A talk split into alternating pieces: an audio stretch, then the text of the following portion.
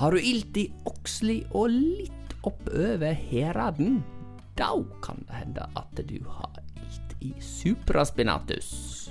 Denne podkasten tar opp ulike muskel- og skjelettema for deg som pasient. Den skal gi deg kortfatta og forskningsbasert informasjon med en liten tvist av våre terapeuter sine meninger om temaet. Ja, velkommen til episode 24, Edgeir, av Syriakspodden. Fantastisk. Takk skal du ha. Velkommen til deg òg, Sindre. Ja, da er vi tilbake igjen til denne skulderen, da. Ja, vi blir alle ferdige. Nei, der er en del å ta tak i der oppe. Vi har jo snakket litt om kalkskulder eh, før, og um, Ja, og Frossen skulder, frossen skulder. slimpose. Mm, Men i dag skal vi snakke om det som egentlig er vanligst ja. av alt sammen. Det er nemlig da supraspinatus Ja, Da må vi smake litt på ordet, tror jeg. Ja. Supraspinatus. Mm. Er ikke det flott? Det er et veldig Det er et supert navn, da. Det er supert. Hva betyr det, da? Super betyr at den ligger over. Nettopp. Og, og spina jo, betyr jo egentlig rygg. Mm. Eh, Sånn at den ligger over Men han ligger over en liten beinrygg på eh, skulderbladet, Ja.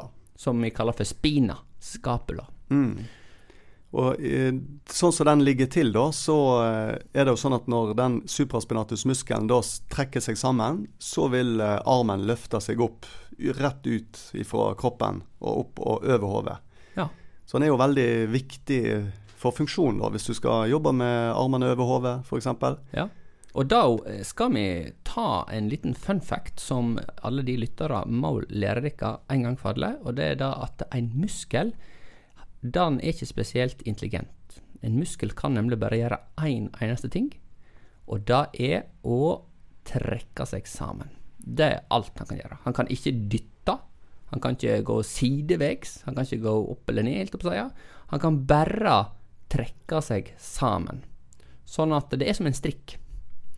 Og Derfor er det vi har så steikende mange muskler i kroppen. fordi at hvis vi skal klare å gjøre de eh, bevegelsene, de kompliserte bevegelsene i ulike leddene, så må vi da ha en sånn liten strikk i, rundt omkring hele leddet, slik at han da kan utføre en eh, avansert bevegelse. Og denne muskelen som vi skal snakke om i dag, som heter supraspirantus, den fester da i ei eh, scene, går gjennom en liten tunnel, og så fester den da helt oppe på skulderen, ute på skulderkula, kan du vel nesten si. En plass som vi kaller for tuberculum majus. Og det er da på helt på utsida av eh, skulderen din.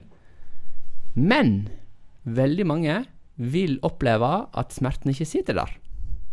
Han sitter nemlig en annen plass, Sindre. Vet du hen? Ja, det stemmer. Den eh, vil jo ofte da sitte nedover overarmen Ja. på utsida. Eh, sånn at det er jo veldig mange som eh, kommer inn og sier at de har vondt eh, nedover overarmen. Ja. Men oftest så vil årsaken sitte oppe med, helt opp med skulderen. Mm. Eh, på tuppen av skulderen. Og for alle disse senene og slimposen og leddkapselen rundt skulderen, de får sine nerveimpulser ifra den femte nakkenerven. Og hudområdet som eh, ligger nedover overarmen, da går òg inn på den femte nakkenerven. Sånn at hjernen oppfatter smerten egentlig til å sitte lenger ned ifra huden i, i overarmen. Og Det er jo litt interessant, for det er jo litt av samme konseptet som er hvis du får hjerteinfarkt f.eks. Så er det jo hjertet det er noe galt med, men en vil kjenne smerte utover i armen. Ja, det er veldig interessant, og det kaller vi for refererte smerter. Vi har det veldig mange plasser i kroppen. Eh, men det er faktisk sånn at det er voldsomt sjelden at eh, hovedproblemet sitter midt på overarmen. Eh, men skulderplager, sånn som frossen skulder, slimpose, kalk og supraspinatus, eh, de kjenner du faktisk akkurat der. Mm. Så noen pasienter blir litt sånn uh, irriterte på at uh, jeg undersøker med, gjerne med ultralyd, og så skanner jeg ikke akkurat der som de har ilt, men litt oppafor. Men det er altså da fordi vi har refererte smerter. Så er det sånn at vi har supraspinatus, men vi har jo òg eh, tre eller to-tre andre interessante muskler som til sammen danner noe som vi kaller for køffen. Uh, og det som er interessant oppi skulderen, det er at disse her vever seg sammen i senefestet som en slags uh, enhet. Selv om de ikke er en enhet, så er de ulike muskler, men vi har da infraspinatus. Infra det betyr da nedenfor, eh, mens supra betyr ovenfor. Og så har vi jo da eh, subscapularis, som ligger litt mer på framsida. Og det er da de tre vanligste plagene i skulderen. Subscapularis, supraspinatus og infraspinatus. Og så har vi òg en del andre små muskler som er mye mer sjelden, men som du kan ha plager i. da. Og disse her tre eh, scenene som utgjør rotatorcuffen, de vil jo òg ligge så tett inn mot leddet at de har en veldig sånn stabiliserende funksjon for, eh, for leddkula. Sånn at hvis ikke vi hadde hatt disse musklene her, da hadde det nok vært vanskelig å, å bevege armen i det hele tatt. For at de er, er med å holde leddkula på plass i leddet. Ja. Sånn at ikke de leddet Ja, at vi får armen ut av ledd hele tida. Ja, det er vanligvis da leddbånd si oppgave vi snakker om der. Men akkurat i skulderen så er det, som jeg har snakket om i en episode før her, ei voldsomt stor kule og ei voldsomt lite skål. Og derfor så er det lite leddbånd og mer sene som holder ting på plass. Og det er jo en gang slik da at på mitt og ditt kontor, eh, Sindre, så er det en klar overvekt av skulderpasienter. Ja, det er, er sant, det altså. Og det er nok, eh, som du sier der, at eh, eh, ja, for oppgavene til disse scenene er å holde skulderen på plass. For det er et in, ganske ustabilt ledd, eller instabilt ledd, eh, skulderleddet. Så jobber disse her scenene veldig mye. Og skulderen bruker vi jo til nærmest alt vi gjør. Sånn at eh, disse her scenene og denne her supraspinatus som vi da fokuserer på i dag, får jo veldig mye belastning utover i livet. Mm. Og, og, da ser vi jo litt igjen på, på de eh, pasientene som eh, får disse symptomene fra eh, supraspinatus eh, og senebetennelse der. De er ofte over 50 år. Og da også ha arbeid som eh, er over hodehøyde, eller over skulderhøyde, det vil òg være noe som eh, øker faren for å få en sånn senebetennelse da. Ja, hvorfor da? Eh, nei, det er nok da at eh, da jobber jo den her litt statisk, den eh, supraspinatus-scenen, Mm, hele tida. Og da får du òg eh, gjerne klemt av eh, blodstrømmen litt grann, eh, mer. Sånn at eh, eh, kommer ikke nok oksygen til, eh, til scenen. Det er helt rett. Og ei sene har jo vanvittig mye dårligere vaskularisering, og vaskularisering det betyr da blodgjennomstrømning, enn en muskel. Og derfor er det det er såpass mye seneproblematikk i kroppen i forhold til muskelproblematikk. Mm. Og muskelproblematikk det gror og tilheler seg mye, mye, mye raskere eh, enn ei sene. Det er det ene. Og det andre er at når du passerer en type 40 år ja, ikke, Det er ikke sånn at du, der du passerer 40 år, men, men eh, 40 til 60 år, eller 50 til 70, rundt der, så eh, senkes da blodgjennomstrømningen, eller det blir dårligere og dårligere blodgjennomstrømning og vaskularisering til området, så du rett og slett blir mer utsatt for skader. Mm. Senebetennelse er jo én ting med, med denne scenen, som en ofte ser. Men eh, hvis ting går enda litt lengre, eh, og kanskje en er litt, eh, kommet litt lenger opp i årene, så er det jo òg vanlig med litt større skader i denne scenen. Ja, absolutt. Og her har vi jo eh, litt sånn eh, gradering, da. Eh, du kan ha en overbelastning som bare er sånn små små uh, rifter i scenen, på en måte. Men du kan òg ha en delvis avrivning. Uh, og så kan du ha en såkalt kalkskulder, som vi har snakket om i en episode før her. Uh, men så kan du òg ha en total avrivning, men det er jo heller sjelden, og jeg hører vel mer til de mer eksplosive aktivitetene, som å kaste en ball, eller Ja, Iallfall hvis en er ung, men hvis en er, er sånn oppi 80-årene, så er jo det igjen da ganske vanlig, da. Det er det. Eh, så da, er jo litt aldersbetinga, for at eh, blodstrømmen blir dårligere, og, og det skjer litt forandringer i senevevet der etter så årene går. da. Men det høres jo veldig vondt ut. og Hvis du er 80 år og du har en eh, avreven sene, så må vel det være forferdelig vondt. Ja, det er det. Eh, men der er det viselig tillaga, altså. Og det er slik at eh, ja, du blir svakere i muskulaturen din når du blir eldre. Du har dårligere blodgjennomstrømning, du har større sjanse for eh, avrivninger. Men nervesystemet ditt fungerer òg dårligere når du er eldre. Og det er jo ikke så dumt, fordi at eh, en del av de pasientene vi ser som er, type 70, ja, kanskje 80 og oppover, de har liksom ultralydbilder der, der du ser at det er oi, en svær avrivning, og her er det et kjempeproblem. Men de har ikke så ilt. Og det er rett og slett fordi de har eh, nerveender, da, som er endene på nervesystemet, som ikke fungerer så bra som de gjorde før. Og det er jo slik at du er født med et ganske så perfekt nervesystem, og så blir det litt dårligere med åra. Og da skal ikke du le så høyt når ungen din f.eks. er voldsomt redde for en vaksine, f.eks., eller et stikk eller en blodprøve, fordi at en unge har mye flottere nervesystem. Det fungerer perfekt, og nervesignalet kommer fram til hjernen. Men på en eldre person så kommer ikke nervesignalet fram på samme måten. I så stor grad. Jeg sier ikke at det ikke er ilt, altså. Men en skulle kanskje trodd at eh, gamle folk har mye mer smerte i muskel-skjelett-systemet. Men det har de faktisk ikke, altså.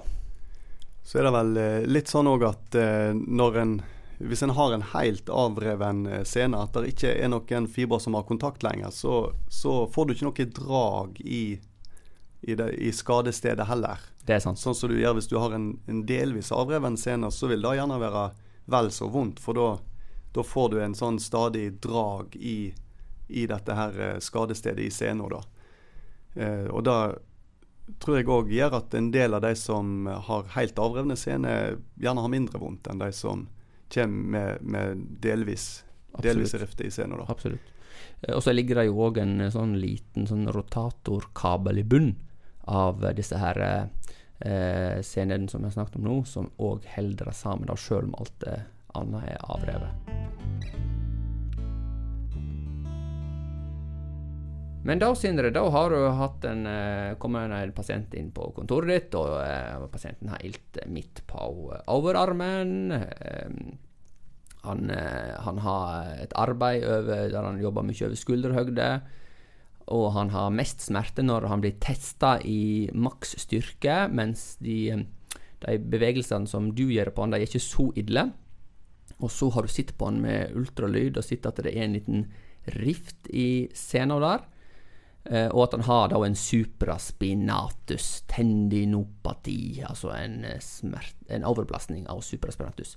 Hva skal du da gjøre med denne her pasienten, og hva skal pasienten gjøre? Ja, da er, er jo eh, Det som er kanskje det viktigste, det er jo også å prøve å eh, styrke opp igjen skulderen, da.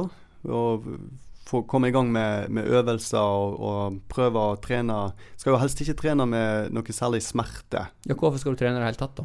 Nei, det er for å eh, Ofte så Vi snakket jo om at det der veldig ofte kommer litt utover midt i livet og, Mm. og utover. Og da er det nok sånn at disse senene rundt eh, Eller i rotatorcuffen, da, eh, er litt svake. Begynner å bli litt svake. Og da, da må vi kompensere med det. At vi må prøve å optimalisere eh, funksjonen og styrken da i scenen. Altså da, da at de avrevne fibrene rett og slett finner tilbake igjen til hverandre? Ja, det kan de jo gjøre. Eh, og av og til så er det jo faktisk sånn at en, det ikke nødvendigvis må gro alle disse riftene for at en skal eh, bli smertefri. Men, eh, men eh, det er noe der med at når du får eh, trent opp kroppen og du får brukt den mer normalt, sånn at hjernen lærer seg at det går an å bevege uten at det er vondt, eh, så eh, er dette ting som er med å på en måte normalisere funksjonen. da. Så, så eh, den, eh, den biten er veldig viktig.